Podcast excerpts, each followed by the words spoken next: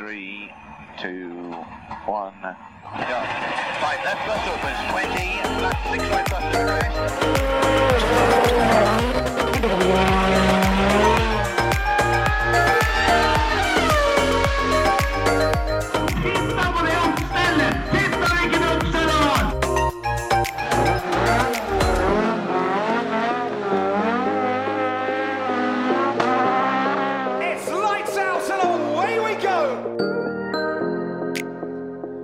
Mer førermøte. Vi er tilbake. Emil og Terje, er dere på plass? Ja, Ja, Ja. Dere gleder dere til en ny episode òg, eller? kjempe. som alltid. Tøft. Vi har en bra en til dere, da. høydepunktet det i uka. Ja, men det, det er det. Ja. Jeg må si det. Det er, eh, som forrige uke, så er det her den beste, tirsdagen denne uka. Ja. Eller torsdag, for de som hører på, da. Men eh, vi spiller inn på tirsdag. Ja. Har dere gjort noe spennende siden sist? Det går jo i, går i trening, da. Det, det gjør det, faktisk. Jeg har trena sjæl denne, denne uka som har gått. Jeg har vært på, vært på Mr. Miyagis helsesenter, føles det ut som. Først så har vi, har vi, har vi malt kjøkken og gang og, og trappeoppgang alle sammen. Og nå har jeg spadd ni uh, tonn grus utover, Ja, ja. utover gårdsplassen. Jeg skulle ikke kommentere det i stad, men det gikk i glemmeboka idet jeg kom opp uh, trappa her. At det, dæven så fint det har blitt ute på gårdsplassen her. Ni tonn stein, én mann, én spade og ei trillebår. Men, høres, Og ei kone, da. Det, Det, det høres ut som et program på Insider. men eh, da har jeg et oppfølgingsspørsmål eh, til det her. Eh, hvorfor har du ikke asfaltert? Nei, for da må jeg ha litt mer enn den grusen, da. Nei, altså det, det som er det enkle svaret på det Vi funderte på både asfalt og sånn der fet stein og greier. Men Ja. eh, 2700 kroner i pukk eh, var, Var- litt enklere enn 100 000 i asfalt. Ja. Nei, ja, det, er, det er helt lov å si at det var billigere. Det ikke var det. vesentlig billigere. Eh, hvis jeg skal ha et lite håp om å få oppgradert eh, dette simulatorutstyret mitt Men Ja. en dag, så kan jeg ikke svi alle pengene i asfalt. Nei, det er sant. Og så er det, det Du har jo asfalt hjemme i gården såpass svært at du kan teste gokart her hjemme. Ja, og eh, jeg skulle virkelig gjerne, og jeg er ganske sikker på at eh, både mor og far er eh, litt sånn småforbanna for at ikke de asfalterte for mange, mange, mange år sia. Ikke sant? Fordi det er altså så mye bedre. Det tror jeg på. Ja. Jeg skal, jeg skal legge det på minnet og vurdere det når jeg har spola bort denne steinen jeg har lagt her ute nå. For det, det er i hvert fall én ting som er helt sikkert. At jeg sparer ikke ni tonn til. Altså. Da, det får noen andre gjøre, eller så blir det lagt asfalt. Da får det bli åtte tonn. Ja. Men eh, jeg var inne på tanken å bare kjøpe åtte, og så kutta jeg tonn bare for at jeg vet at dette her skal spas. Men så var, så var prisforskjellen på åtte av ni tonn var på sånn 107 kroner eller noe sånt. Så, Ja. så da tenkte jeg at det, da skal vi ikke kjipe inn der. Men det er da neste gang. Altså er det bare å få bedt inn til dugnad da, med kasse pils og et par spader, så er mye gjort da. Ja, jeg skal kjøpe inn uh, ei kasse pils og ei flaske brennevin per tonn stein som skal fordeles utover. Så tenker jeg vi får fint. Da blir det dobbelt lag. Å dæven. Jeg har faktisk ikke Da kan det hende at det. naboen får en. Ja, det kan hende det blir, det blir, det blir grus til de fleste, da. Jeg Jeg oppdaga jo det da, etter at vi hadde spadd oss bortimot ferdig. Så var liksom siste bettaen var en sånn sti vi har langs huset eh, som går ned mot leieboeren. Mm. Og Idet jeg spadde bort der, så kikka jeg ned trappa og så Ja, det er faen meg grus der nede. Men det blir ikke noe, blir ikke noe ny grus der, så de får klare seg med det de har. De får uh, spa sjæl. Ja, eventuelt. Men hva var det du tenkte på som du kom på? Jo, nei, jeg tenkte jo på det når du sa det nå, at eh, eh, Ja, det er jo fordi jeg ikke har kjørt, da. Men det å kunne faktisk ta og teste litt starter med K-setten Jeg kunne jo da starta bakerst nede ved, ved verkstedinngangen. Så kunne jeg lagt tregere opp mot naboen. Snudd oss Ja. an og Altså, ned igjen. Hvis noen bare hadde stått og passa på at ikke det kom noen av de ungene som er uh, i, i nabohuset, så kunne jeg børsta og, og tømt sjettegiret bort mot uh, postkassa, egentlig. Ja. Det høres ut som det hadde blitt krangling om å hente posten. Eh, Ja, det kunne blitt. det. Men uh, du har jo to girkarter, stående. Du har tre Jeg har bare to Ja, så er det to Ja, for den ene henger på veggen, og tar, rører jeg den, så er jeg dau. Ja, da er det arveløs først, og så dau rett etterpå. Ja, for den er jo din, men du får ikke lov å røre den. Ja.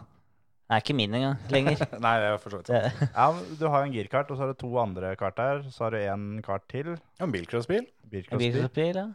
Det er jo bare å få komme seg på arbeid her, og så få begynt. ja, hvis noen trenger en, eh, trenger en eh, Volvo, forresten, så er det bare å si ifra. Står en, uh, står en bak i hagen som ikke jeg kommer til å blåse liv i med det første. Eller starte og gå, det, det gjør han. Ja, ja, ja. Så det er livin. Fyra på første. Det høres ut som at du må eh, fram med malerkosten. Eh, ett spann hvitt, ett spann rødt, og så få malt litt curbs eh, litt rundt omkring. Og så få laga litt av testsløyfe opp til Ja, det hadde vært jævlig gøy, altså. Da kan vi ha sommermesterskap i førermøteredaksjon Ja, hjemme i gården. Og litt øldrikking, Altså- og så få kasta ei øks, og så få kappa noen trær, og så få Vi kjørt en kunne jo lagd en sånn derre kartgymkana, egentlig, Ja. i Ja. gården. Du, veit du hva?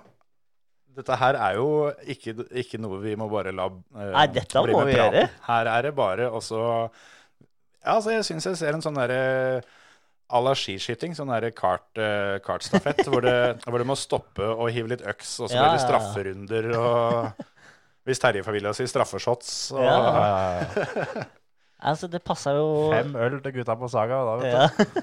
Det passa jo strålende, for vi driver og krangler med ene, ene naboen tvers over plenen om, eh, om noe bygging av nytt hus, eh, som er et rasshøl som tar oss til retten. Så det passer ypperlig å få fyra opp der litt ekstra. Ja, ja, Ja, ja. ja, ja. Det høres ut som at planene for sommerfesten i føremøteredaksjonen er uh, igangsatt nå. Yes! Det er til og med steinovn til ordentlig italiensk pizza. Jeg kommer. også. Så det, Solgt. så dette har vi i boks, gutter. Ja, Tøft. Det er- Men i dagens episode så har vi jo en gjest over telefon.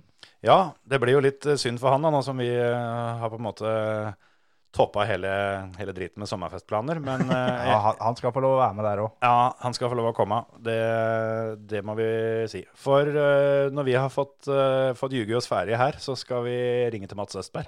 Mm. Det blir kult. Det gleder jeg meg til, altså. Ja. Mats er en fin, fin, fin type. Men det har jo skjedd litt eh, før vi tar den telefonen. Ja, vi kan jo ta litt av det som har foregått siden forrige episode. Ja, for det har jo vært litt action uh, i helga. Det begynner å, begynner å røre seg litt rundt omkring, sjøl om ikke det er så mye kjøring på ekte. Så det begynner vel så smått litt med det og her og der. Men, uh, men i denne virtuelle, virtuelle racingverden, der skjer det ting stadig vekk. Ja, det er liksom flere og flere som melder seg, melder seg på ballen her. Og det er jo Jeg så til og med Solberg, eh, Petter, altså, har jo fått kommet seg ned i, ned i Sim-riggen. Der har jeg noe jeg ville ha sagt. For eh, all ære til Petter og Oliver for eh, det de har dratt i gang på dirt med Solberg eh, World Cup. Men og, også det, all ære til Petter, som ikke har drevet med sånt før, som setter noen tider som er bare helt, helt, helt sinnssyke. Ja, Han kjørte seg inn til topp 150 av alle Altså det er vel over 10 000 medlemmer i klubben. Og mange, mange, mange, mange tusen som kjørte. Og sette av sånne tider, det er drøyt. Det er det. Men han er jo enda eldre enn meg, og jeg har jo fått kjeft for at jeg kaller dette her for TV-spill. Mhm. Eller kalte det for TV-spill ved et uh, uheldig tilfelle. Men det som eh, Petter og Oliver driver med, det må jeg faktisk si er TV-spill. Det er uh, TV-spill, ja. For simulatorkjøring syns jeg ikke de skal få lov å kalle det. Når de kjører med chasecam hvor de ser uh, fra kameravinkel bak bilen. Nei, Så, vet du hva. så de, de kjører altså som på sånn gammel Sega-rally, på en måte. Ja, da kunne du like godt eh, Da kunne du stått på, ja, på gamle Kroa og Ja. ja. Og stått der med en spak i hver arm. Egentlig. Jeg kjørte mye Segarally jeg er på danskebåten før. Jo, Putta på en tier og kosa meg fælt. Men det var jo ikke en simulator. Første pallplassen jeg fikk i, i mitt liv, var da det var klubbmesterskap i Sega-rally på Tønsberg Bowling eh, når jeg var liten gutt. Før jeg fikk lov å, å kjøre noe annet. Men jeg fikk lov å være med og kjøre der sammen med alle de voksne. Og da fikk jeg tredjeplass, og da var det i gang. Men altså, de, de trenger ikke kaste bort alt det dyre utstyret sitt på å sitte og kjøre sånn. Da kan de skippe det hitover, altså. Og så er det, De sier grunnen til at de gjør det, er for at de skal se at bakenden på bilen roterer og beveger seg. Ja, for det klarer de ikke å kjenne når de kjører vanlig, er jo det de sier. Ja. Men kjøp nå en ordentlig rigg, da. Kjøp en jævla motion uh, extender, da. Ja. jeg si. Du får jo sånn som Ja. ikke koster mer enn 20 000, liksom. Det har jo, de har, gutta har jo råd til det. Ja, du fikk jo akkurat uh, sponsa uh, flunka ny rigg uh, Ja, da, ja, og alt sammen. Så jeg- det, Hjernen min tenker at de må kjøpe det, men det er bare å si det. Hei, Petter Solberg her. Skulle hatt en sånn rigg. Skulle testa litt Ja. sånn motion-greier, jeg. Hello, my son Oliver. He is very fast. Yes. Ja, nei, men altså, De gutta der er råflinke til å promotere opplegget sitt. Så at de eh, hadde fått det der kasta etter seg, det tror jeg faktisk. Men uansett, om det så må dras visakort, få tak i en, skyld. eh, en sånn motion rig. Eh, da tipper jeg at det problemet løser seg. Men Men det, er- det er jo ikke noe problem. Det, nå har jeg sittet da på en kjøkkenstol med Ikea-pult og, Ja. og sånn, og kjører da over en ser panseret, eller sitter inne i bilen. Ja. Merker jo det om bakenden på den bilen flytter seg, og du veit sånn cirka hvor han er hen. Ja, dem som har så dyre ratt, dem er jo såpass eh, faktisk filig på det der. Ja, At det det, det. du merker i rattet. Og ja, du vil bruke et par ekstra timer på å venne deg til at du ikke kjenner den i skinka, men du kjenner den Ja. litt i henda. ja, for det at det ikke er som på ekte, det, det Ja. kan vi være enig i. Men Det at det det. med litt trening, så er det nært nok. Ja, altså for guds skyld, altså for å komme deg inn i den bilen, da. Slutt å holde på som 13-åringene. Til og med dem sitter jo inne i bilen, jo, for faen. Ja, faktisk. Til og med dem. Og det, det er vel det som dere driver med på iRacing. Der er det vel ikke noe alternativ. Der må du ha cockpit view. Ja, for det er jo simulator. Ikke sant? Og det, det kjører du ikke med fugle- eller falkeblikk. Nei. Så der har du forskjellen på simulator og TV-spill. Ja. Rett og slett. Ja, Ja. ja faktisk. Det, der har du forskjellen.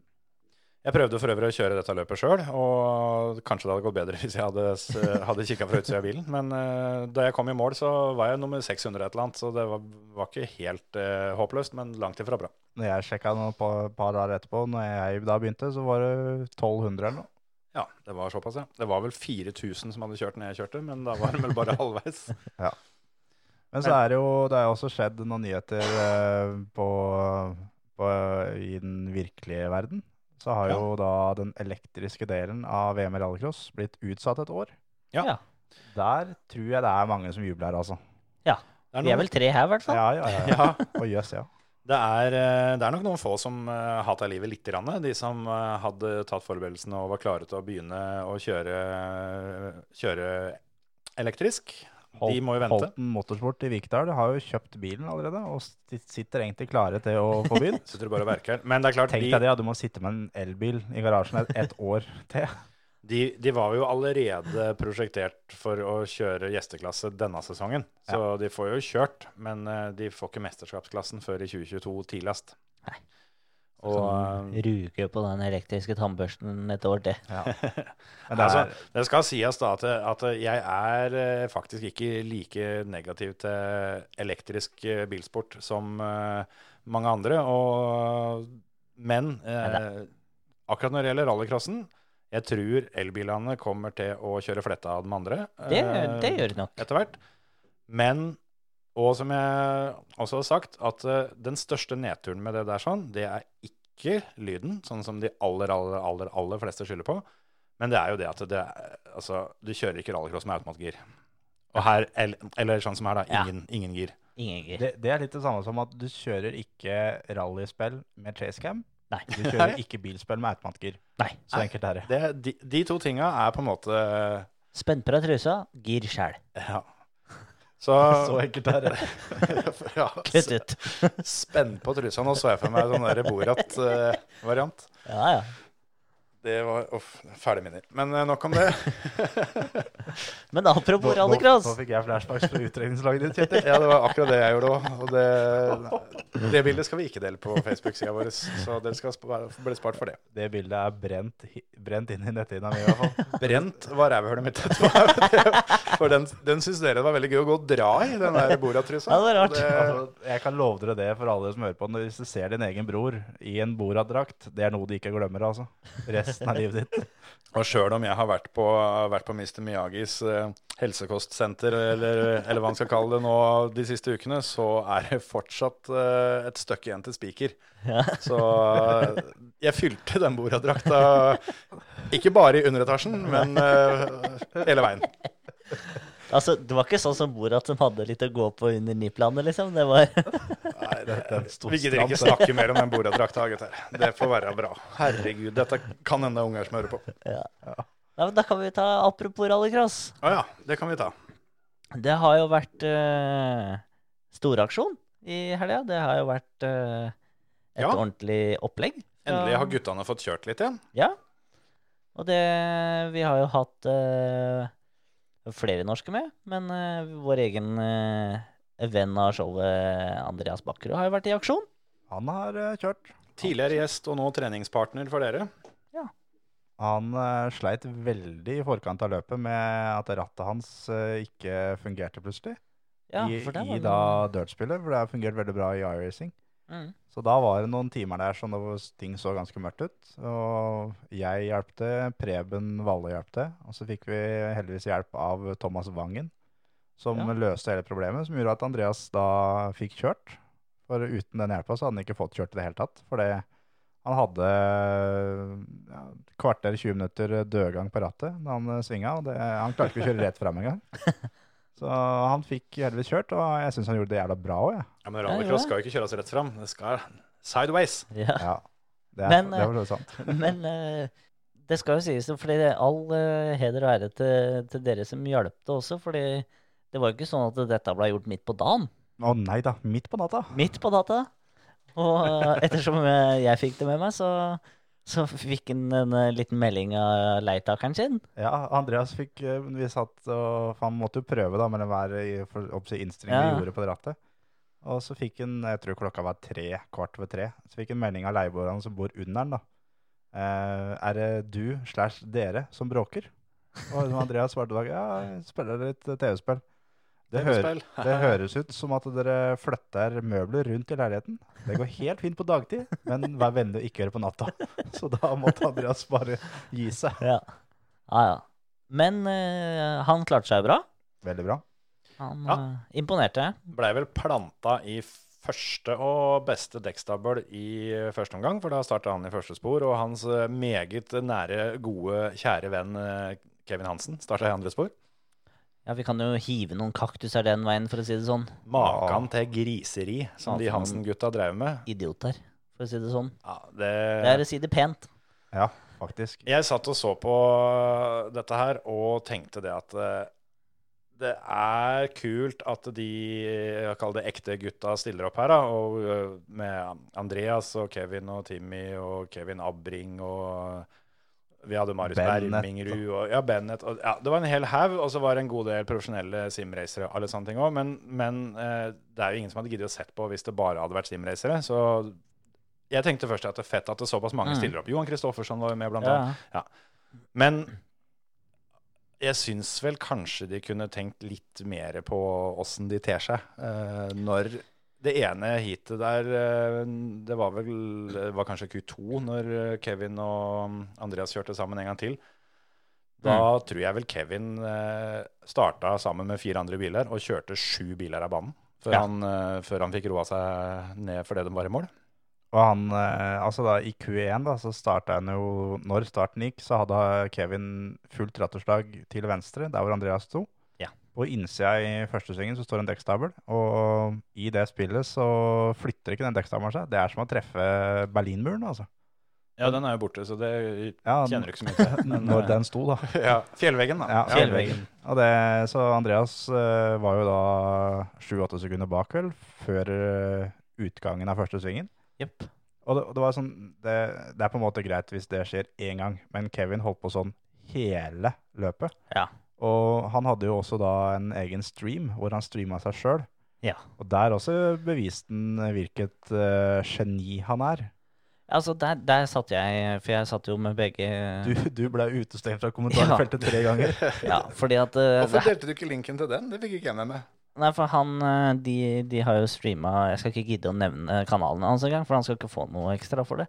Men uh, det er nå i hvert fall han og noen andre Red Bull-gutter og svenske Eller jeg vet da faen, jeg. Ja. Jeg så i hvert fall bare han. Eh, og Det, det, det som også må nevnes, var at eh, han fjerna kameraet mot skjermen. Ja. Sånn så ikke det var mulig for de som så på han, å se hva han gjorde for noe. Ja. Han hadde bare kameraet mot seg. hele, hele eh, håper å si oppbygginga til det og håper å si treninger og sånt, og da var det kamera fram og alt mulig. Så fort løpet kom, da mista han keyboardet sitt, og, og fikk da trykka på et eller annet som gjorde at eh, kameraet bare var stilt til han, da. Ja, riktig. Så alt forsvant, da. Det er noe dritt når det skjer, altså. Ja, det er rart, det der. Og så, og så var det det at han sitter da med headset med en mikrofon fram, Ja. som eh, eh, tydeligvis da i Sverige så tror de det at når du bare løfter den mikrofonen opp, Ja, men det gjør han. da blir den skrudd av. Ja, det, det er jo én ting. Mm. Men så er det det at det fins andre ting rundt i det rommet som har mikrofon på seg. Ja, sånn som når du bruker et sånt Logitech-kamera, da. Ja. Så har det en mikrofon på seg.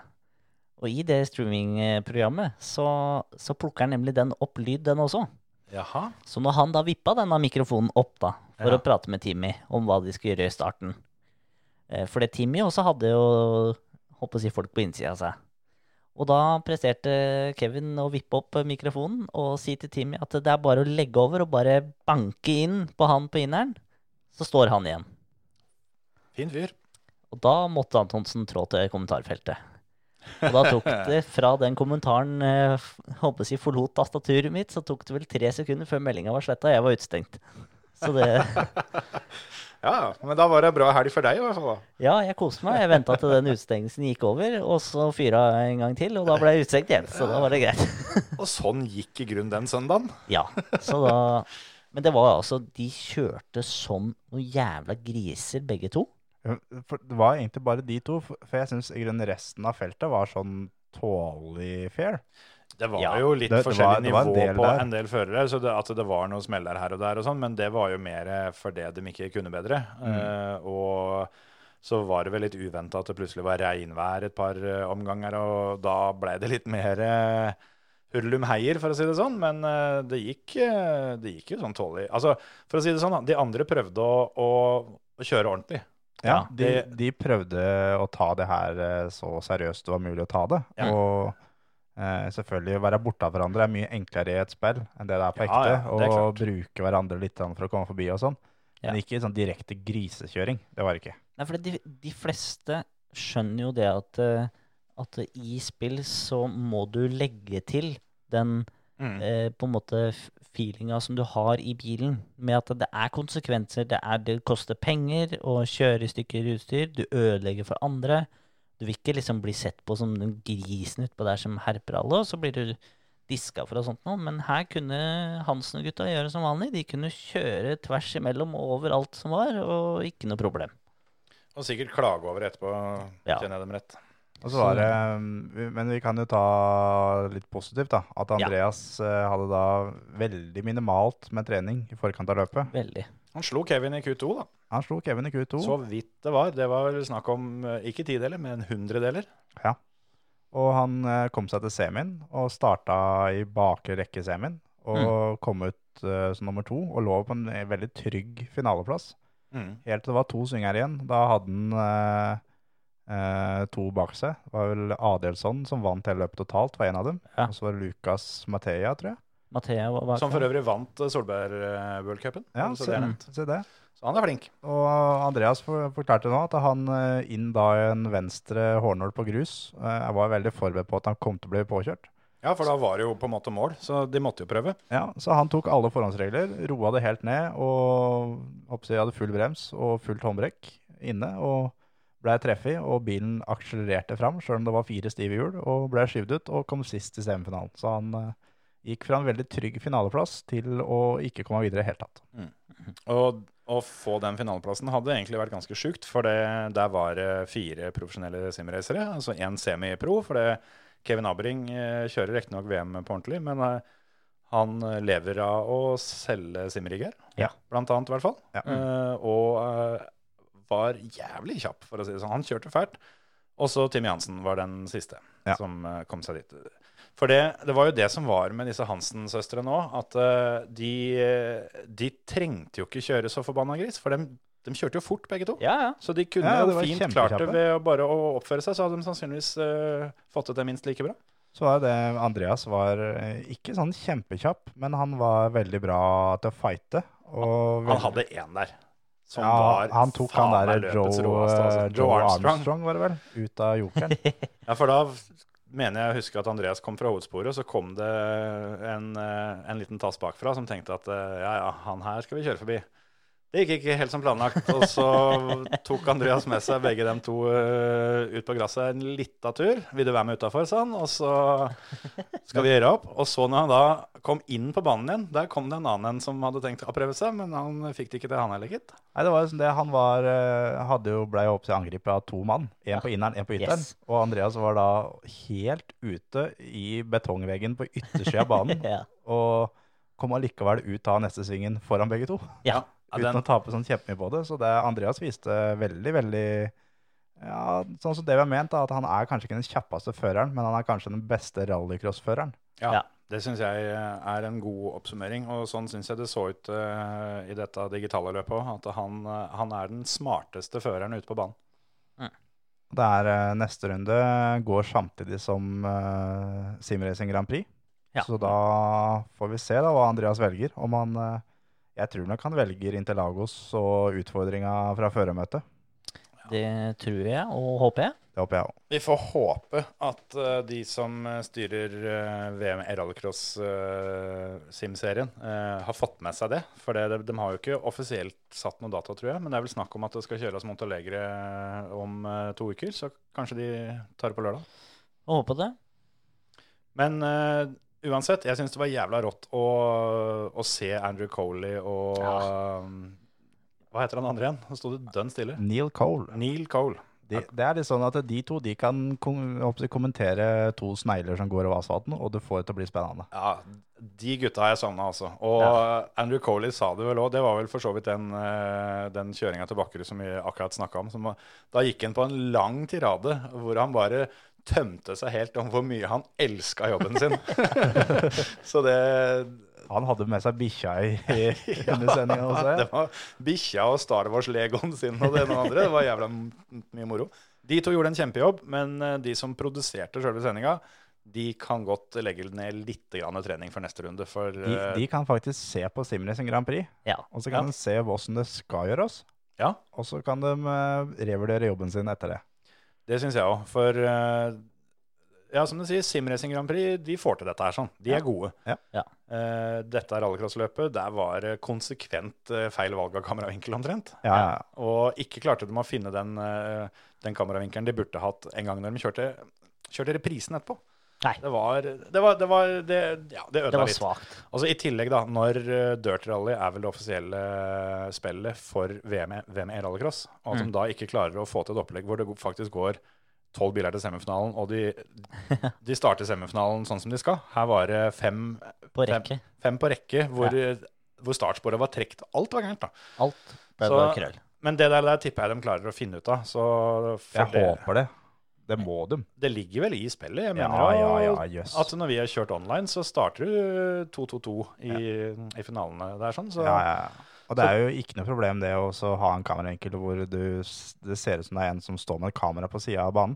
Nei, det er ikke noe problem i det hele tatt. Eller da bruke da Solberg-metoden, da, ha chasecam, da, så du i hvert fall får litt overblikk. Ja. Ja. ja. Ja, ja. Lær av Petter på det der, der òg. Og for det kan godt hende at det blir chasecam eh, hvis Petter og Oliver kanskje blir med. For det, det er jo ikke umulig nå som det var såpass mange av de eh, Kall det ekte førerne da, som eh, stilte opp, og det her blei så kult, og det var jævlig mange som så på og syntes det var moro, så kanskje enda flere gidder å være med neste gang. Pro problemet er at det, det må være én av dem som kjører, for de har bare én rigg. Jo, men de, de, de har akkurat fått sponsa en.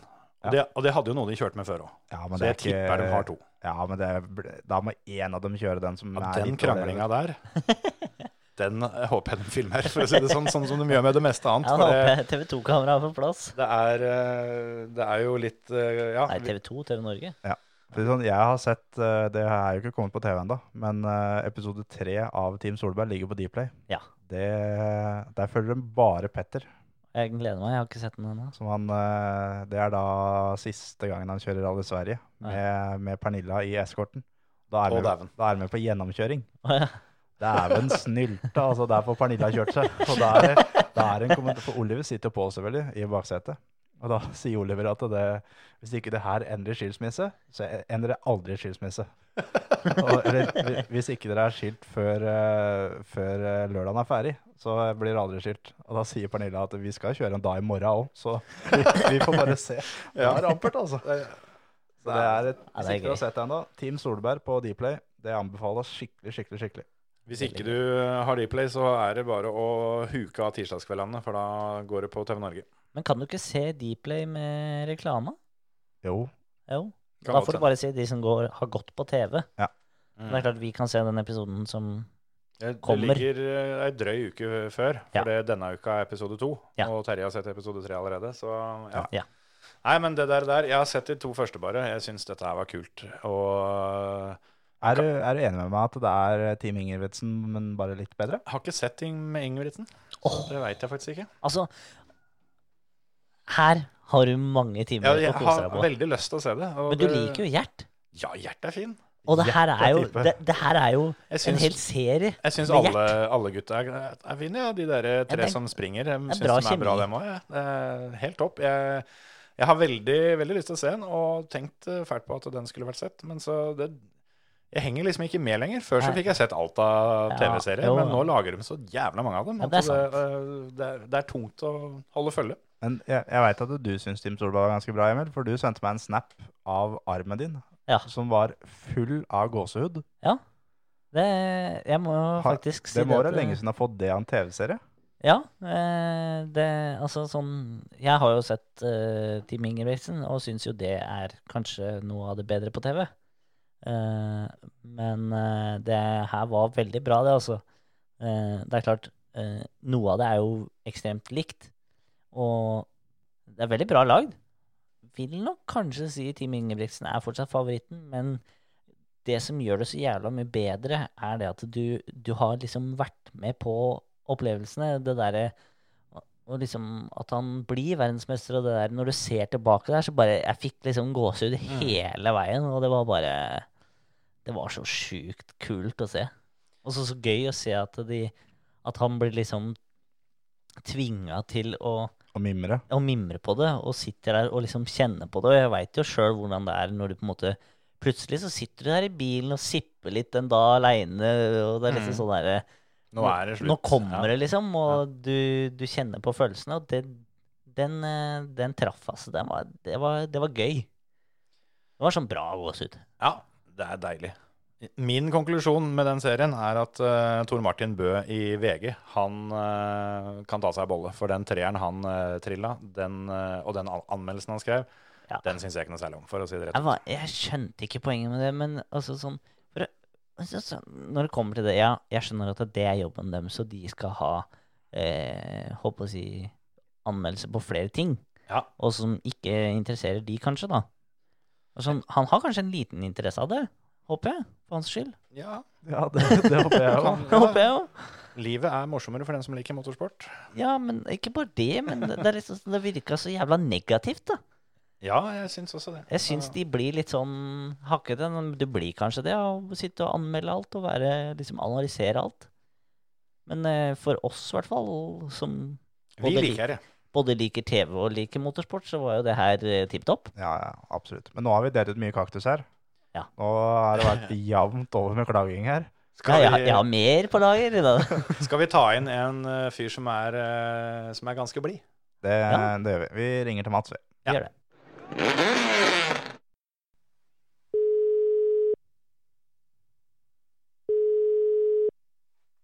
Hallo. God dag, Mats. Det er føremøtet som ringer. Hei, god dag. Ja, åssen er formen om dagen? Formen er fin, vet du. Det er den. Du, du holder deg sharp sjøl om det er lite bilkjøring i full fart?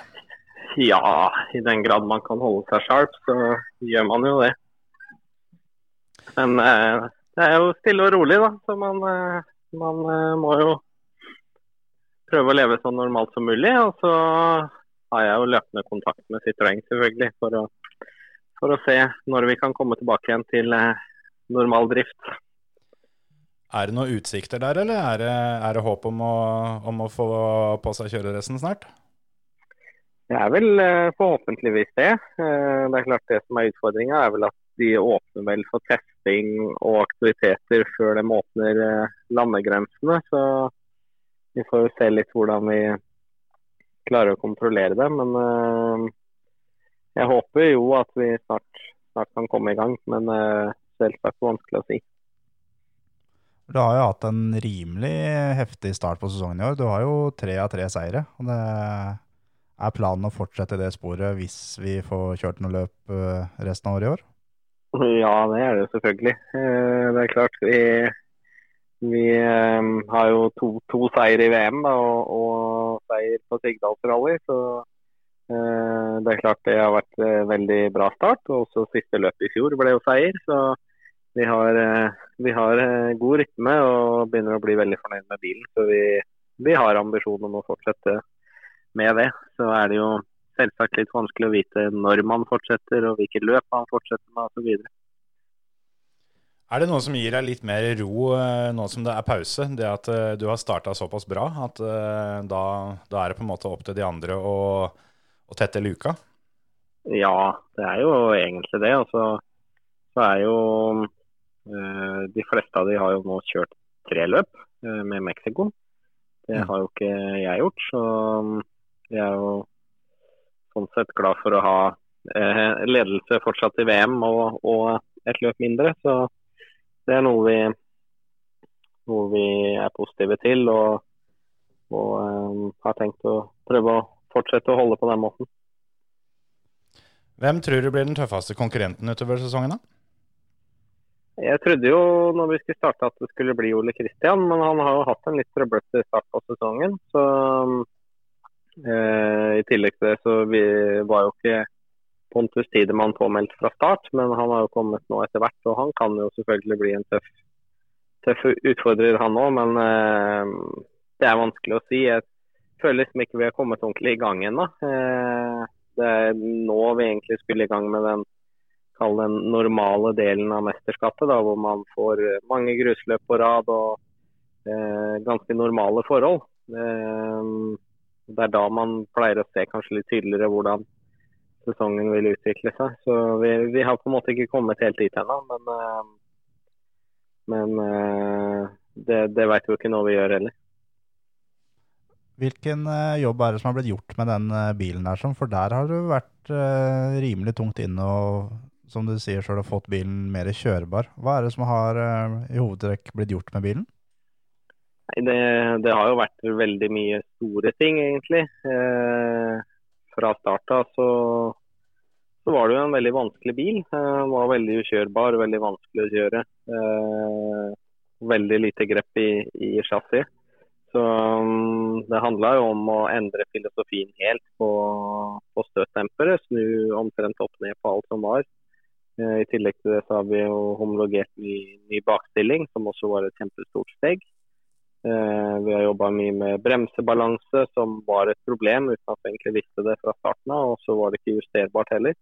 Så um, vi, vi hadde litt utfordringer rundt det, men eh, vi har fått, fått løst opp i det. Eh, så kom vi med ny framstilling. Den skulle ha kommet nå til, til Portugal. Men da har vi jo den eh, når, når vi drar i gang igjen. Så har vi gjort litt oppdatering på differensialer. Vi har kommet med en oppdatering på motoren. Eh, så vi har egentlig vært gjennom en ganske stor, eh, stor eh, endring i bilen, da, som har gjort den mye mer kjørbar. Så nå har vi vel egentlig kommet dit hvor vi begynner å tune litt og ikke gjør de aller største tinga lenger. Følte du at det var noe av kravene dine for å faktisk kjøre R5? At du skulle få oppsi, helt fritt spillerom og bare lage bilen sånn som du ville ha den? Eller eh, er det noe som Citroën også har vært med på å bestemme litt hvordan bilen skal være? Nei, de, eh, vi hadde jo en, helt klart en, en enighet om at jeg skulle få litt frie tøyler til å gjøre det jeg ville med bilen. Eh, De hadde jo omtrent eh, gitt litt opp, og virka som de sleit med å få den til å fungere som den skulle.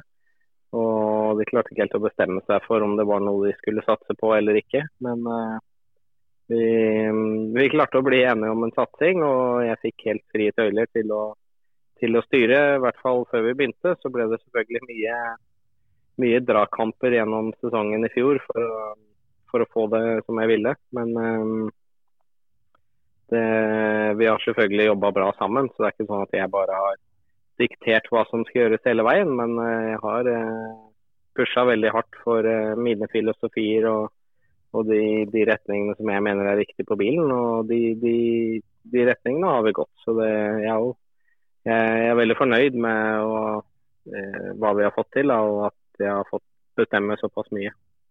Hva, hva gjør du for å, å holde kjøreformen om dagen? Er det, er det noen simulator, eller er det karting, eller? Nei, akkurat nå er det egentlig ingenting. Eh, Jeg har nyttig litt eh, tid sammen med familien hjemme. Eh, Kona mi har jobba, jeg har vært hjemmeværende far med Mons. Jeg har, eh, har vært mye hjemme og bare levd et helt vanlig, normalt eh, familieliv. Og det har egentlig vært veldig deilig. Eh, Så det tror jeg aldri har hatt så mye fri, eh, egentlig i hele mitt liv. Eh, Fra jeg var ferdig på skolen, så var det rett ut til rally. og og ha en klar plan og strategi siden den gang. Så eh, en sånn pause som jeg går igjennom nå, har jeg aldri hatt før. Og det har jeg egentlig utnytta litt òg til å nyte tida med familien, og spesielt nå med Mons. Å få så mye tid sammen med han har vært uh, veldig fint for meg. Så jeg er glad for å kunne prioritere på den måten. Og så nå når det, når det begynner å mm, se litt lysere ut, så kommer vi snart i gang med å legge en ny strategi. og komme i gang med testing og få bygd opp eh, kjøre, kjøretrening osv. igjen. Så jeg har ikke, ikke hatt så mye fokus på PC-spilling, som jeg liker å kalle det. Simulator det er bare et voksent ord å kalle det, og det er vel eh, verdens største unnskyldning for å spille PlayStation. Ja, du er, jo, du er jo erfaren, da. Du har jo første NM-gull i 2007. Føler du at uh, du begynner å dra på åra innenfor sporten, eller? Ja, det er klart jeg gjør det. Jeg har vært med i gamet lenge, så Men eh, erfaring er jo selvsagt veldig positivt. Og, og jeg føler meg også bedre enn noen gang. Det, det skjer noe når man har kjørt en stund. og jeg følte for et par, par år tilbake at jeg klarte å ta noen store steg eh, i forhold til egen kjøring, og ikke minst å få et bedre system på eh, kjøre teknisk. Og jeg ble flinkere til å eh, kalle det coache meg sjøl, da. eh, På hvi- hvilke teknikker som var best på hvilken løp osv. Så, videre. så jeg klarte å få en, en bedre oversikt med, med den erfaringa jeg hadde, og det føler jeg at har løfta meg noen, eh, noen hakk de siste åra. Eh, Men jeg fikk, fikk jo ikke helt eh, vist det fram. Jeg syns jo 2018 var, var et veldig bra år. Eh, Veldig mye usikkerhet gjennom sesongen, og, men vi hadde jo et par pallplasser der på, på de eh, seks eller sju forsøka vi hadde. Så det var, eh, det var en veldig positiv utvikling. og veldig, veldig synd at jeg ikke fikk fortsette den den neste sesongen.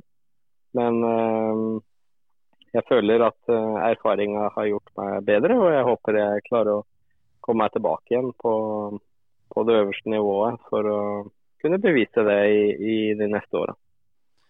Akkurat det der eh, er en ting jeg har lurt litt på, fordi eh, det er jo selvfølgelig en, altså Det er jo ikke noe hemmelighet at du aller helst vil kjøre VRC-klassen, men eh, det at, eh, at R5-konkurransen har blitt såpass mye, mye større og hardere de siste åra, gjør kanskje at det ikke er så kjedelig å kjøre der som det, som det kunne vært, da? Nei, absolutt ikke. Eh, Det er klart. eh, Jeg må jo si at jeg trives godt med den situasjonen jeg er i, og jeg har det veldig gøy. Selv om jeg kjører R5, så er det å få være en del av et sånt prosjekt, og ikke minst kjøre i den konkurransen som er der. Og, og jeg føler også når man kjører R5 at du, du må være mye reinere i kjøringa di enn det du er når du kjører VRC-bil. Så nivået som, som er i R5 er veldig høyt. Eh, Vi så jo også at vi, vi kjempa jo med Rovenpere mye i fjor. I kanskje en, en dårligere bil, og etter hvert når vi fikk mer ordnings på bilen, så, så kjørte vi jo stort sett fortere enn en Rovenpere utover sesongen. Og han leverer jo utrolig gode resultater i, i VRC nå, så jeg tror at nivået er, er godt og høyt, også i R5. Og jeg tror man blir veldig god av å kjøre R5-bil. Så um, jeg, jeg nyter den muligheten jeg har. Jeg er glad for den muligheten jeg har, men jeg legger jo ikke skjul på at jeg ønsker å, å bevege meg tilbake igjen til VRC, og håper jeg får den muligheten eh, om ikke så lenge. Og hvis du skal tilbake, eller forhåpentligvis når du skal tilbake til WRC, så er det ikke å drifte et eget team som du gjorde tidligere. Da er det inne i et fabrikksteam som er målet. Ja, det er det absolutt. Det er ikke noe Jeg ser ikke på noen mulighet til å drifte noe eget team, og det, det tror jeg ikke det er noen som klarer realistisk sett lenger heller. Så eh, skal jeg tilbake i WC, så er det selvsagt i, i et fabrikkteam. Hvis ikke så vil det ikke skje. Hva var de store forskjellene med å drifte eget kontra å kjøre for noen andre? Hva var det som var mest moro? Nei, altså det er, det er veldig gøy å, å, drifte eget team, selvfølgelig. Eh, og skaffe folka selv og være færre mennesker, men eh, mye, eh, mye tettere på hverandre. Eh, selvfølgelig mye mindre politikk og mye mindre hensyn å ta. Så, så er jo det veldig, veldig morsomt. Men eh, det, det, går til et visst punkt. og Når man skal kjempe helt, helt i toppen, så trenger man erfaringen og dataen. og, eh, og kanskje også spesielt teamkompis eh, og, og, noen man kan samarbeide med. Eh, som man da ofte får i et fabrikkteam. Så det er, eh, det er mye gøy og mye moro med å kjøre privat, men eh, å kjøre i et fabrikkteam er noe helt annet. Da tenker man ikke på, på det logistikk og personell og, og eh, de tinga der sånn, men eh, fokuserer kun på kjøringa og, og eh, prestasjoner. Og kan jobbe mer målretta og ikke minst påvirke bilen mye mer enn det man gjør når man kjører privat. da. En ting som vi må spørre deg om òg, for, for noen episoder siden så, så, hadde vi jo kartleseren din, Torstein, med oss her i, i førermøtet. Han, eh, han, fortalte litt om, eh, om åssen dere fordeler oppgaver når dere er på tur. Ja. Eh, åssen ser du på den biten der? Nei, jeg ser jo veldig positivt på den biten. For det, Torstein gjør jo det meste. Så så er det veldig greit for meg. Det var egentlig akkurat det jeg var ute etter, for det var det han sa òg. Ja. ja, ja, nei, jeg kan vel egentlig bekrefte at det stemmer. Så jeg jeg eh, har selvsagt eh, kontroll på veldig mye, jeg òg, men eh, ikke på når vi skal fly og hvor vi skal bo og, og når vi skal forskjellige ting. Så han holder styr på det meste som har med det å gjøre. Og så fokuserer jeg på, på, etapper og noter, og, og ikke minst de tekniske forberedelsene og, og, alt som har med setup, og dekkstrategier og sånne ting å gjøre. Så vi, vi har våre forskjellige oppgaver. Det har vi. Men uh, for å komme seg gjennom hverdagen, så er det han som uh, styrer uh, det meste. Du er ikke arbeidsledig på tur, du heller? Nei, absolutt ikke. det, er, det er ganske mye som skal ordnes mellom to stykker. Eller, mellom, det og bare oss i bilen, men så har du hele teamet i tillegg. Så, som sjåfør så blir man jo mer en slags leder for teamet. mens Eh, kartleseren blir en leder for sjåføren igjen, uten, uten, at de som oftest bestemmer over teamet. Så det er, eh, det er, på helt forskjellige nivåer og helt på forskjellige ting. Så jeg går nok, eh, går nok mer og grubler og tenker og legger strategier og sånn enn det Torstein gjør, mens han jobber nok mye mer enn meg. En annen ting eh, vi tenkte vi skulle spørre om, eh, i og med at eh, det er jo en av oss her som, som har kjørt litt mot deg før. Og, og, det har også blitt nevnt i en episode at dere to kjørte Race of Champions mot hverandre for noen år siden. Ja, ja. Har du noe du vil spørre om der, Emil? Nei, jeg har ikke akkurat noe å spørre om, for det var, situasjonen var ganske klar, tror jeg. Det var... Det var, det var, ganske tydelig at uh, Mats ikke har kjørt så mye sammen med andre på banen, og endelig hadde mulighet nå til å kjøre på noen. jeg så ikke så mye mer enn uh, Jeg tror det var turn én, og så var jeg vel uh, halvveis under dekkstabelen der. Ja, det, det, altså det, det hender jo bremsene svikter, så det er bare sånn som skjer, har jeg skjønt, i, i motorsport. Ja, varme, varme skiver var nok det det var. Det varme skiver, ja. ja. Vi skriver på Nei, Det er vel bare å beklage, da. det bare legger meg helt flat. Men det året så vant du vel fort òg, tror jeg, Mats? Ja, jeg gjorde det. Det, det var, jeg har ikke vært med etter det. Men det har vel ikke, har vel ikke blitt arrangert nå heller, så vidt jeg kan huske. Jeg har prøvd i hvert fall å få vært med på de gangene som var, men jeg har eh, de siste åra så har, eh, har eh, den premieutdelinga havna for eh, vintertestinga eh, med, med teama. Så jeg har ikke fått vært med på den MBF-premieutdelinga, og da har jeg heller ikke fått vært med på den eh, Race of Champions-biten. Men eh, håper vi får til det i framtida igjen. Er det, er det noe du, eh, du ser fram til, sånne type ting, med, med litt mer sånn showbasert kjøring og, og litt moro, eller, eller er det en del alvor i det der òg? Nei, det er jo selvfølgelig en del alvor i det, men jeg føler det var litt greiere før. Eh, nå har liksom eh, motorsportutøvere så mye tid, så de driver jo og trener og holder på, og det er jo ikke noe gøy for de som, eh, for de som ikke har de mulighetene. Så, men før så var det ikke sånn. Da stilte de fleste bare opp, og så, og så kjørte vi. og Da, da var det noenlunde like vilkår. Men den siste tida når vi har kjørt nå, så er det vel flere der inne som har 1000 runder. Så det er liksom helt, helt håpløst å, å hive seg med. Da må du ha tid til å trene og forberede. Jeg tolker det dit hen at eh, vi får ikke se deg i simracing eh, med det første. At det, det er ikke noe du eh, går og, og ivrer etter å begynne med?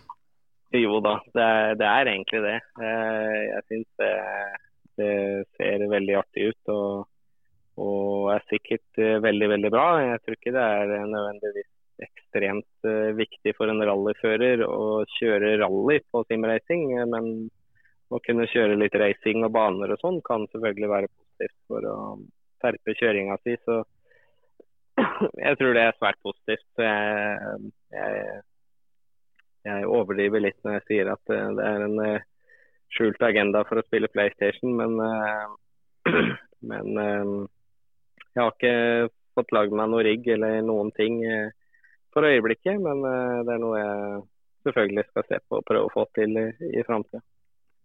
Men nå har du også kommet deg inn på, på landslaget. Eh, hvilke fordeler er det det gir deg som utøver? Ja, jeg har jo, har jo vært med der noen år nå. Eh, og det har jo, har jo vært veldig positivt. I, jeg vil si i hvert fall spesielt nå det, det siste året, så, så har det skjedd en del store ting hvor man har begynt å jobbe litt tettere med de andre utøverne. Og ikke minst nå kunne begynne å samarbeide med Olympiatoppen har, har vært veldig bra. Eh, for da får man litt ny kunnskap og, og jobber med noen som, eh, som har et høyere nivå enn det man har bygd, bygd seg opp sjøl opp gjennom åra. Så det, det, er veldig positivt å, å, være med der, og veldig lærerikt. Og ikke minst så er det også veldig gøy å kunne få bruke tid sammen med de andre beste utøverne vi har i Norge. og høre, høre hvordan de jobber og høre hvordan de utvikler seg, og, og, og bruke tid sammen. Hva, hva, føler du er eh, beste løpet ditt i VRC? Hvem er det du liksom husker, eh, husker best? Nei, Man har jo en tendens til å huske de siste, eller det som er nærmest best. da, Men uh, det har vært uh, det har vært mange gode løp, uh, helt klart. Og mange, mange, løp som jeg har vært fornøyd med. Jeg husker jo kanskje spesielt godt den siste VRC-sesongen jeg hadde i 2018. både med, med Rally Finland og, og Australia, som egentlig var forholdsvis gode løp begge, begge deler. Så, men jeg har nok, har nok, hatt bedre løp enn begge de to tidligere i, i karrieren min. Eh, eh, både 2015 og 2014 og 2013 og 2012 var jo veldig, veldig bra år. Eh, med, med, gode prestasjoner og, og, gode løp. Så jeg tror det er veldig vanskelig å plukke ut ett løp. Men det som sitter best i minnet mitt akkurat nå, det er nok Rally Finland 2018. Min uh, soleklare favoritt uh, når det gjelder løpet av dine, er Rally Sverige 2011, faktisk. Ja, det, jeg må jo si meg enig i det sjøl, da. Men det, det, det, var jo et veldig var, uh... viktig løp som, som, Rally Finland sånn sett. Men det er mye lenger sia. Ja. jeg rangerer nok det løpet som den beste prestasjonen min noen gang. Og, og det beste minnet, kanskje. Men øh, jeg, jeg husker bedre det som er nærmere. For det løpet i Sverige 2011, det føler jeg på en måte det var den seieren som ikke kom. Ja, jeg har, har noen sånne løp som jeg føler er den seieren som ikke kom, og det er definitivt et av de.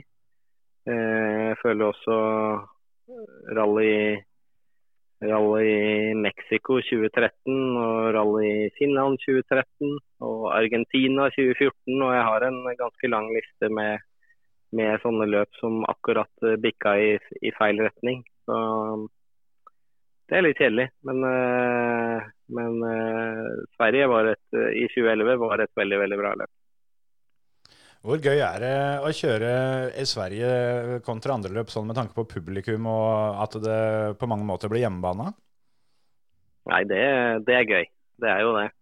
Eh, Jeg trives veldig godt i det løpet. Jeg, jeg vil påstå at spesielt de svenske etappene liker jeg veldig godt. Jeg liker de svenske etappene mye bedre enn de norske. Eh, Men eh, hjemmefølelsen er, der jo, er jo der hele tida, og, og de norske flagga er overalt. og det, det er noe spesielt, og spesielt kanskje stå på, på pallen eh, i Sverige og se, se så mange kjente fjes. En annen ting eh, dere driver en del med i Sverige, og spesielt kanskje også Finland, som du nevnte, er jo å hoppe med denne bilen. Og det har jeg skjønt at du er ganske glad i. For eh, Ja, det er jo gøy å hoppe. Ja, det er jo ikke noe tvil om det. Jeg, jeg hoppa jo bare på dette TV-spillet. Jeg fikk nylig opp at jeg hadde vært eh, over, eh, over ei mil eh, airborne her nå så, om dagen. Ja. Så. Det er kult. Men eh, derfor så lurer jeg på hvor, hvor sjukt er det på ordentlig? Det er, eh, det er gøy. Det er ganske tøft. Jeg veit ikke helt hvordan man kan beskrive det, men eh, jeg har jo blitt ganske vant til det etter hvert. da. Eh, Det vil jeg jo påstå. Så, Du er jo ofte en av de som, eh, som sier fra på forhånd at du, eh, du er ikke fremmed for å, å gå for rekorden på Collins Crest, f.eks. nei, det Du har vel hatt rekorden nå, har du ikke det? Jo, jeg har jo det. Så, øh, men eh, akkurat nå er det jo Brynildsen som har den. Eh, og det, det har jeg jo prøvd å gjøre noe med, da, men det har ikke vært så lett. Så, det var bare, jeg tror jeg må endre setupet på bilene mine for å klare å, klare å få hoppa så langt. Så, så bare, bare fortsette å prøve. Nå ble det ikke noe, ble det ikke noe Collins Quest i år. Da hadde forholdene ligget veldig til rette, for jo mindre snø det er, jo bedre er det for, for hoppinga. Så, Men kanskje ikke for landinga? Jo da, det har ikke noe å si det. Det er egentlig bare fint at det ikke er så mye snø da. For hvis du lander i spor på snø, så, så slår platene i eh, bakken. Så det vil man helst ikke gjøre. Så det beste er egentlig å lande på asfalt. Ja, det høres jo kjempelogisk ut for, eh, for oss vanlige folk. Ja, det gjør, gjør kanskje ikke det, da. Men man skulle jo tenke at hvis man lander på mykt underlag, så lander man mykt. Men det er jo faktisk støttemperne som gjør jobben. Og hvis, eh, hvis hjula graver seg ned i underlaget, så slår eh, plata under bilen i bakken. Rett og slett. For den er jo lagd sånn at eh, hvis du lander på asfalt, så skal plata akkurat ikke touche bakken når eh, demperne er helt komprimerte. Men hvis du lander i spor, så slår jo plata i bakken, og det gjør vondt. Det gjør skikkelig vondt. Så Jo hardere det er der hvor du lander, jo bedre er det. For da absorberer støttemperne hele, hele trykket. Siden du har jo hatt eh, da ekstremt mange drøye hopp. Hvilket hopp er det som er drøyest? Eh, Det er jo et godt spørsmål. Jeg syns kanskje et av de aller heftigste er eh, Yellow House i, i Finland, på Onimpoja. Eh, fordi at der går det så ekstremt fort. På de andre stedene, Det er jo en del andre kjente hopp som Faffe og, og Mickey's Jump på Sardinia og litt sånne ting. Men det er jo hopp som du bremser for. Så det, det gir ikke det samme kicket. Eh, I Finland så er det på en måte jo mer fart, jo bedre. Så eh, jeg vil si Yellow House og, um, og Collins Crest er to veldig fine hopp som eh, det på en måte er om å gjøre å bare få med seg så mye fart som mulig. Er det noe du tenker på eh, før du, før du setter i gang på prøva, eventuelt underveis, at uh, nå skal vi snart eh, 40 meter gjennom lufta uten, uh, uten beina ned igjen? Jeg, jeg må egentlig tenke litt på det, for jeg må forberede meg. Jeg veit alltid at jeg er fokusert eh, på hoppa. Eh, sånn at jeg er nødt til å, å forberede meg litt mentalt på at jeg ikke skal sitte og glede meg for mye, sånn at det går utover fokuset mitt. Og så er det, har jeg som oftest et punkt uh, rett før hoppet hvor jeg tillater meg selv å begynne å forberede meg på hoppet. da. Så det, det er som oftest planlagt hvordan den prosessen skal, skal skje. Men uh, jeg, jeg bruker tid på det, og jeg tenker på det. Det gjør jeg. Har du lagt inn i notene at uh, for f.eks. Collins eller Yellow House, eller at du får det rett før, at nå, nå kommer det? Nei, jeg, jeg husker det.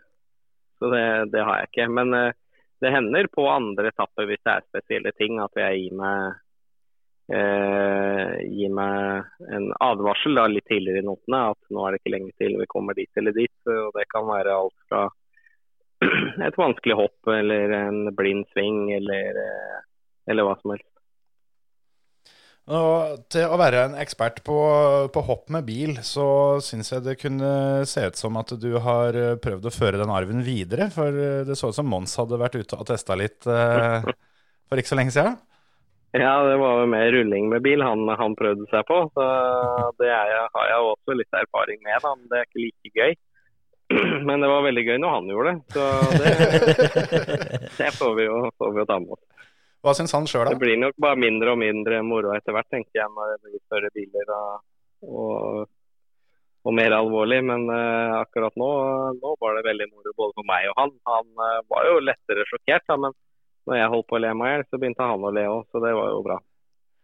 Var, det- var det feil uh, si, Var det feil i notene av, av kartleserens feil, eller, eller fikk han det til på, på egen hånd?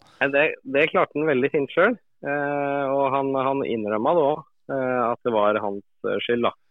Eh, og det er jo positivt. Det er jo egentlig noe man skal lære sjåfører helt fra starten av, at man aldri gjør feil.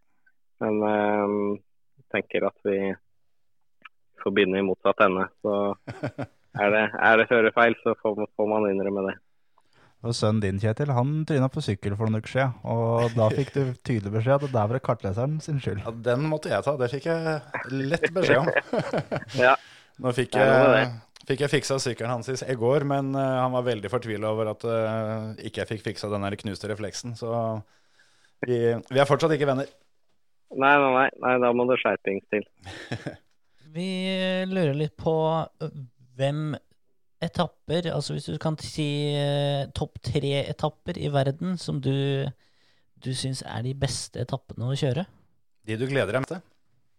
Ja, det er jo så sykt mange fine etapper rundt omkring. Eh, Jeg har jo et par veldig fine i Sverige, selvsagt, og, og Finland. Det er jo litt sånn hjemmeløp av begge to. Eh, Så jeg tror i, i forhold til i Sverige, så tror jeg Torntorp er kanskje en av de aller råeste etappene vi kjører i, i Sverige. Nå husker jeg ikke om man har hett det de siste åra, eller om man kanskje har hett Torsby eller noe sånt istedenfor. Men uh, det, det er i hvert fall en av de. Uh, I Finland så syns jeg jo Yrja er uh, ekstremt rå. Den har liksom alt. Den starter på smal, rask vei, litt løst, og så går den ut på brei, ekstremt brei og rask vei med noen hinsides hopp. Så det er jo den etappen som Mikko hadde en så voldsom eh, krasj på tilbake Ja, det blir vel fort ti år tilbake i tid nå.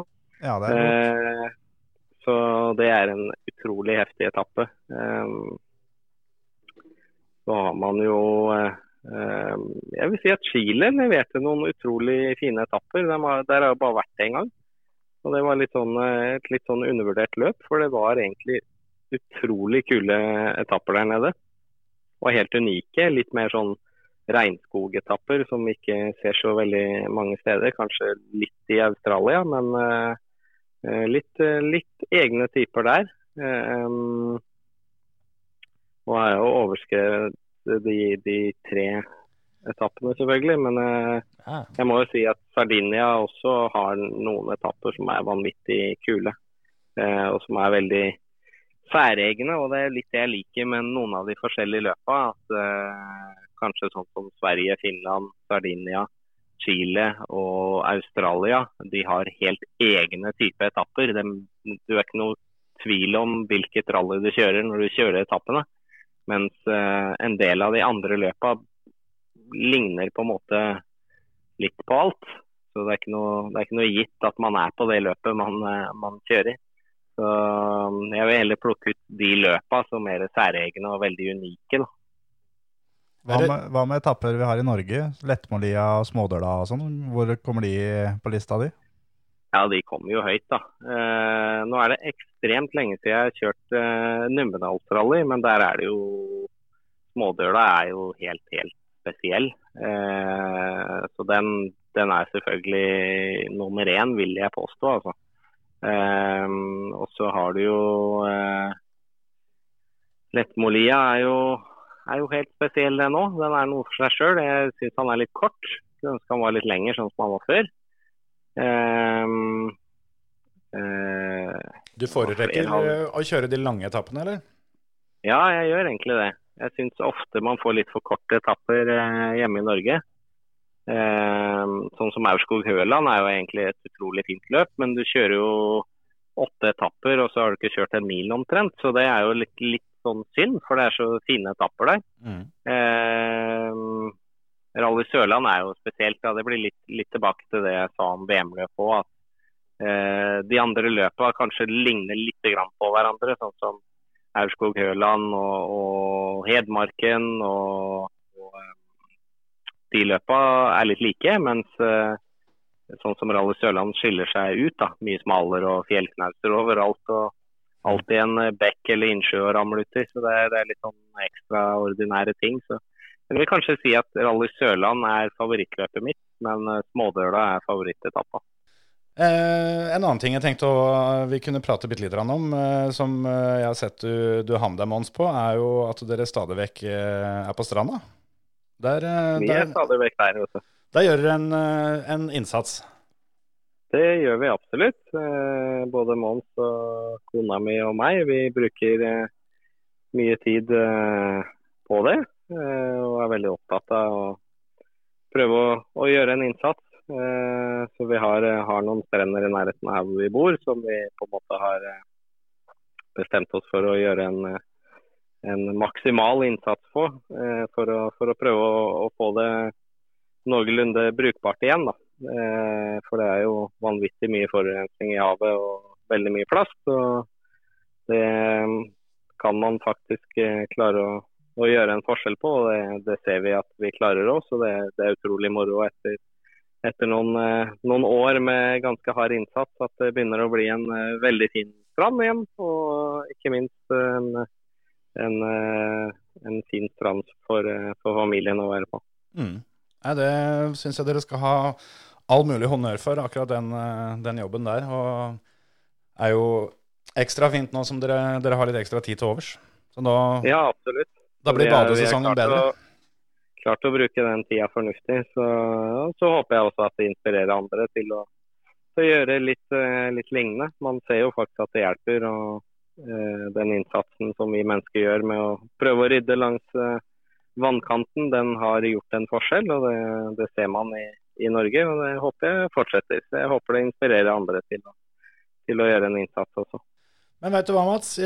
Da tror jeg vi skal takke for praten og, og ønske, ønske deg lykke til med det som eh, skjer utover sesongen, hva det enn blir. Og fortsette den gode jobben på stranda. Og, og ikke Ja, minst det skal vi eh, det, det å lære Mons å, å kjøre bil. Ja, det har jeg jo svikta på.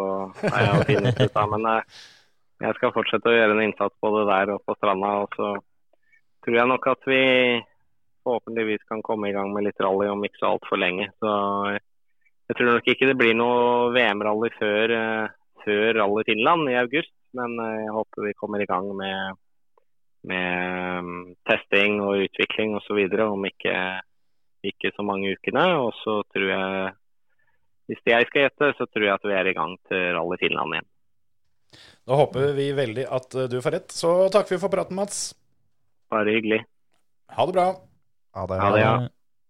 Ja, det var uh, Mats Østberg. Han, uh, han koser seg om dagen, han høres det ut som. Han koser seg. Det er fint, det. Jeg veit ikke helt uh, om vi skal dra dette så forbanna mye lenger. Det er liksom ikke noe Det er ikke noe særlig å prøve å toppe det når vi, når vi har hatt en såpass hyggelig gjest. Nei, det er jo ikke det, men eh, vi har jo en konkurranse gående på Facebook.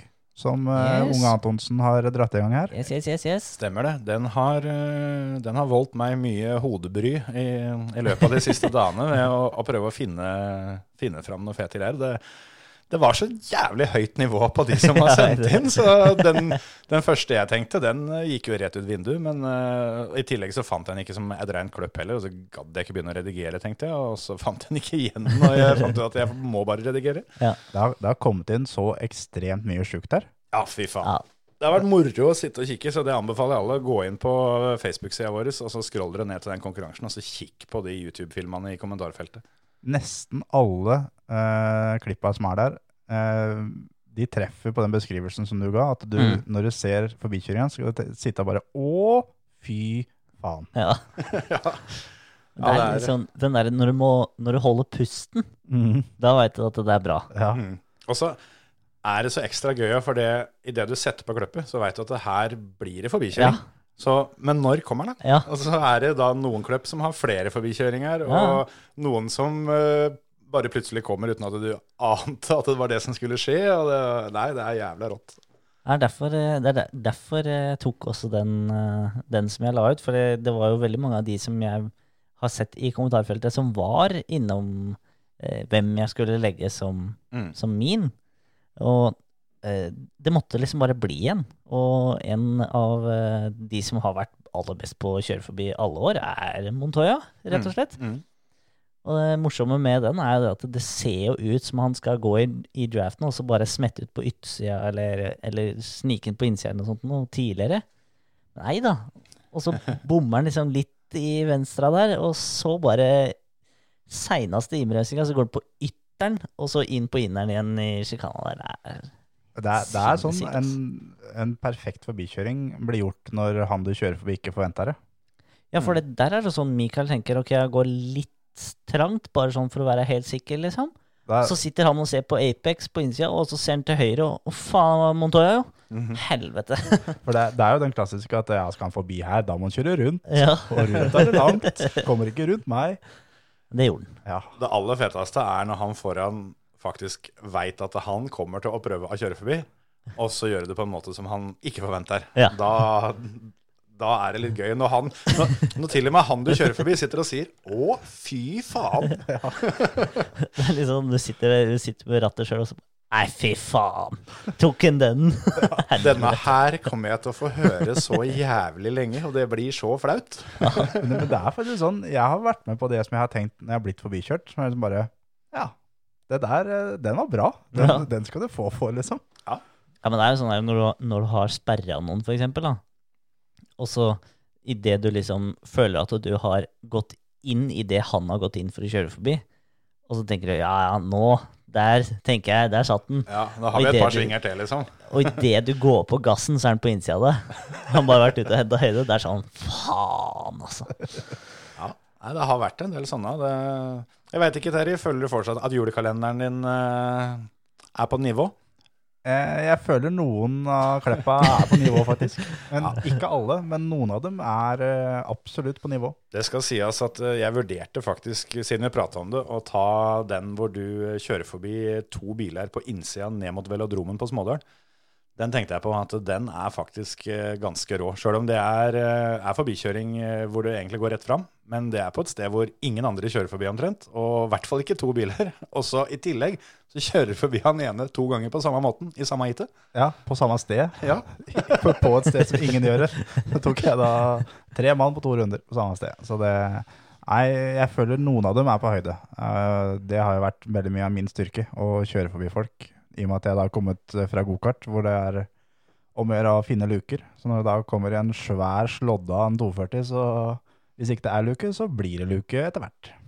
Det er vel noe du også har tatt med deg over i simracinga etter Ja, ja, de videokløppa jeg stadig vekk får tilsendt. Eh, Plogen skal fram. Jeg fikk eh, et kløpp eh, tidligere da. Da tror jeg dere kjørte et eh, testløp eller et eller annet sånt nå, hvor du starta på tiendeplass. Eh, Og når du var på vei inn i sving to, Så var det én bil som, eh, som hadde kommet gjennom sving to, men langt ifra uten hinder. Og så sto det elleve biler strødd.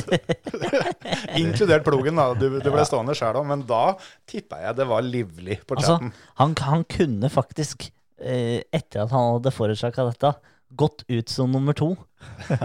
Han hadde muligheten, men der, der syns han faktisk der, Du ser det på replayen at det, Nei, dette blir for gæli. Jeg tar den i veggen. Ja, jeg, må bare, jeg må bare ta den ut her.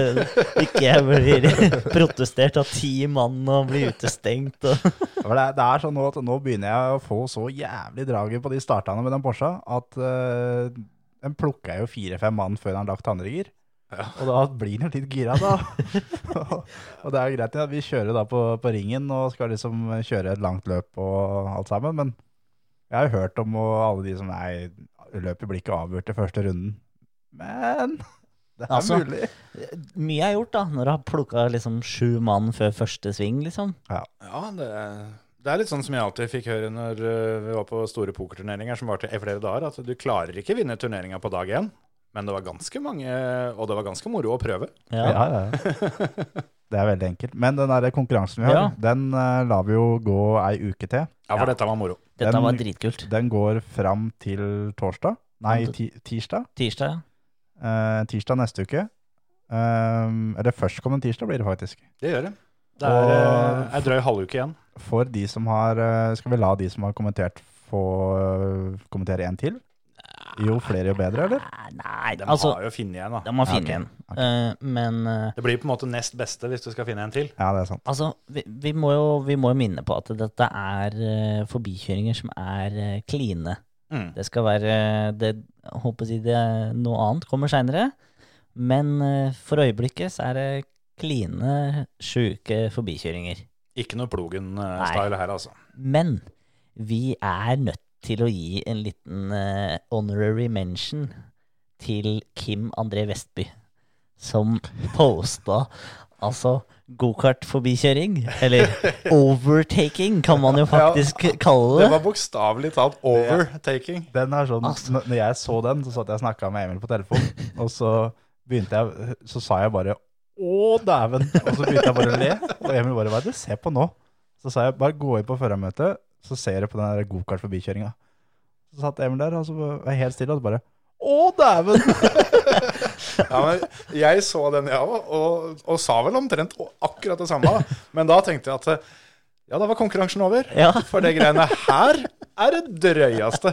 Og én ting, altså, en har jo stadig sett, og dere har jo sikkert opplevd òg, Ja. at, at det der skjer. Ja, Men han på en måte bare putter gir og drar av gårde, han. ja. ja. Det, det, er, det er jo Men- det som er det feteste. Det sjukeste med hele greiene er at jeg aner ikke hvordan han får til, for de ligger Nei. på bånn gass. Og hvor, hvor faen kommer han fra, tenkte jeg på. Ja, det er sånn det, det De ligger jo på flat pedal, da. Og de gokartene går sånn tålelig likt rett fram. Og- Altså, det ser jo ut som han har 50 km mer. Ja, men altså, Og i tillegg, da. Åssen er dette her fysisk mulig? Han skal jo da ha klatra på et hjul og Ja. fått skyte av gårde. Ja, liksom, altså- det. det, gjør han, men han Men- er nødt til å komme i så mye større fart for Ja. å holde til. Ja, og akkurat der som de For det, du følger jo den, den karten som blir hoppa over, da. Ja, ja. En liten stund. Og det er liksom ikke noe som tilsier at den situasjonen skal kunne oppstå. Nei, så jeg har, jeg har fått noen over meg et par ganger. Jeg har et fint, fint arr nedover knoka her eh, til å, til å mimre tilbake til det. Ja. Og jeg kan si det sånn at det vanligvis er det ganske en, altså en ganske treig eh, prosess å komme av seg hele veien over noen. Mm. For her bare letter og bare flyr av gårde. Og Lander i en lett liten sladd, og så takk for meg, jeg, jeg reiser av gårde. For, for det vanlige er jo å lande også da med, Da er det slutt, liksom. med bakhjul rett på pungen til han som kjører. Det er det vanlige. Eller oppå arma, i hvert fall. Ja. På rattet, liksom. For du, du klarer ikke å fly av gårde Nei. vanligvis. Det Nei, er vanligvis. Den eneste som har fått til det som jeg har opplevd live, var når du gjorde det på meg. Du fløy over og av gårde Når da? i Göteborg. Når du kjørte Mini. Å ja, ja, ja, ja! ja. Det, den var helt lik. Forskjellen da på deg og han i den filmen her sånn, Ja. at du endte jo i dekkstabelen. Jo, jo. Ja, men det er jo det som skjer med å, på å si, alle. Når du får et sånt hopp i gokart, og du lander, så Ja. kjenner du det Både du og karten kjenner det såpass at da er det stort sett sluttkjørt. Ja, det er jo egentlig bare for få begynt å bøyd eh, dette driten tilbake igjen. Både kropp og kart. Nei, den der var rå, syns jeg. Men, eh, men eh, clean, den- clean var den vel neppe. Du vinner dessverre ikke denne, Kim, men eh, Det kan hende at det, hvis Antonsen er i det spandable hjørnet, så kan hende vi finner på noe likevel. Men det er skuffende, skuffende gutter. Det er bare det er bare én kart forbikjøring her. Ja. Det er Jeg vet det er så mye sjukt, altså. gokart-forbikjøringer som kommer, eller som burde kommet. Ja, altså det, ikke, det, er, det er i hvert fall en åpning for. Men um, Fordi det gjelder å smiske litt her òg, vet du. Jeg har kikka på mye rare greier. For det, som vi sa forrige uke òg, så var det jo forventa at det blei en del Formel 1-klubb. Ja. Så jeg eh, tenkte at der er det jævlig mye bra, men jeg dropper det, for det, det kommer det nok av. Mm. Så satt jeg først og tenkte ja, da er det jo naturlig å gå til DTM, da. Da kan, Ja. vi, kan vi finne noe kult der. Og så fant jeg, fant jeg en sånn der topp ti DTM overtakes. Der finner du ikke en forbikjøring uten kontakt. Nei, det er nå så, da. Men øh, det var slappe greier, syns jeg. Altså. Ja. Det er greit, ja, det går jævla fort, og på en måte konsekvensene er høye og sånn, men, Ja. men det var jo liksom Ja, ja, så kom det en fyr, og altså, og så bremser han litt seinere og legger seg inn at han andre, og så kom han forbi. Det var jo Ja. stort sett sånn det var, da. Bare med jævlig entusiastiske kommentarer. Men Ja. jeg fant én som var øh, Husker jeg Han kjørte forbi øh, Mathias Ekstrøm ligger først, og så ligger det en, øh, en bil mellom. Og så kommer Christian Albers fra tredje posisjon. Og nedover sletta så får han tydeligvis kanskje litt mer slipstream enn han var forberedt på. Så han, eh, han hever den i sladd ut på sida, og kommer seg forbi begge to. Ja. Den, eh, den, den syns jeg var rå. Men eh, De er, det er litt sånn når du er tre i bredden inn i en sving, og du er ytterst, da skal det godt gjøres å komme ut først. Ja. Men når du får til det, så er det en bra forbikjøring. Ja. ja, Det, er, det, er mye, det er mye rallycross. Ja. Uh, og det er klart fordi det er mange som er sjuke. Uh, vi har sett et par uh, helt sinnssyke rundt på ytteren, fra Mm. sist til først, osv. Uh, og det er et par bra uh, bilcrossforbikjøringer her også. Nei, det er én der sånn som det er på ytteren i Skankesvingen på Lyngås, med Yes. bilcrossbil. Det er ganske imponerende. ja, det er ikke så verst. Det, er- har jeg prøvd på sjøl. Det Det var jo, også litt stas, da, at Skanke kom jaggu dæven inn, eh, inn i kommentarfeltet der òg. Ja, for jeg trodde jo at jeg endelig hadde kommet i mål med denne leitinga mi. Da hadde jeg vært gjennom DTM, jeg hadde vært gjennom sånne eh, offroad supercars borti statene og alt mulig sære greier. Og så fant jeg ut at nei, vi får bare Vi går til kilden. Vi går til Skanke. Han kan dette. Så fant jeg en fin en, og så sendte jeg den til Terje og tenkte at ja, ja, nå vinner jeg vel konkurransen. Han ligger i kommentarfeltet allerede, den, da. Ja jøss, tenkte jeg. Takk skal du ha. Men den er rå, Ja, altså. den er jævlig rå. Ja, er så, Han, han har flere, han det er så, den er så planlagt. Og det gjør den enda bedre. Du Mm. ser han bare, han bare setter den opp, og så bare bang, Ja. er den der. Nei, Skanke han eh, hadde mye fete forbikjøringer. Det var, ikke, det var nok ikke brorparten som var kline, men, Nei, eh, Men den var clean, da. den var fin.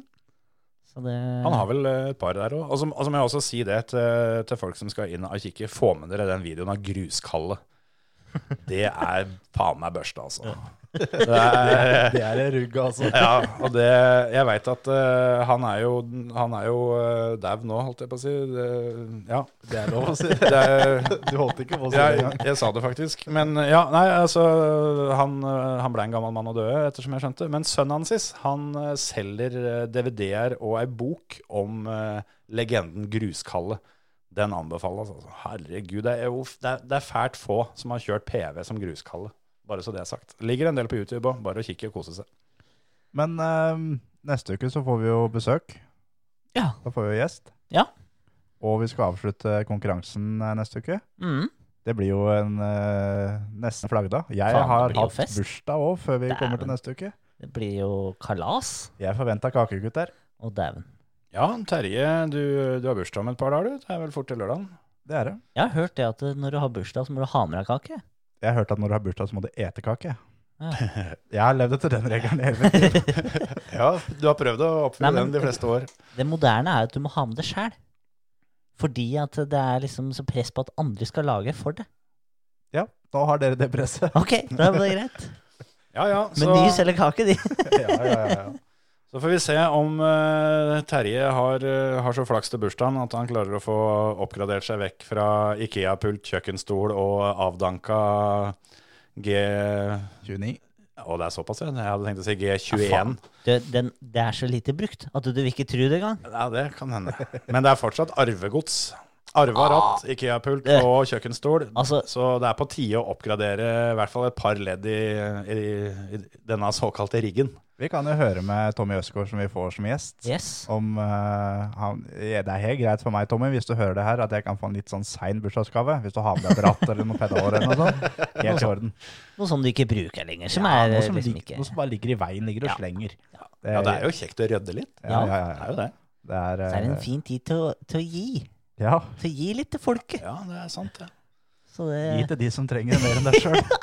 Ja, og der føler du at du er midt i målgruppa, Terje. Det er helt riktig når det gjelder ratt og pedaler. Ja, jeg skal, jeg, jeg skal si det, for det ja, da. det er eh, det, Pedalene der trengs en grådig oppdatering. Det gjør det. Det føles litt som at eh, når du kjører simracing, da, så er du riktignok ute og kjører i Porsche, men det føles ut som uh, du har hjulkapsler istedenfor felger, liksom, Ja, ja, det gjør det. på den bilen. Og det Ja. Nei, vi, du får kose deg på bursdagen, så skal vi prate litt mer om det og høre hva du fikk eh, til uka. Vi gjør det. Ha det bra, folkens! Ha det! Ha det, ha det.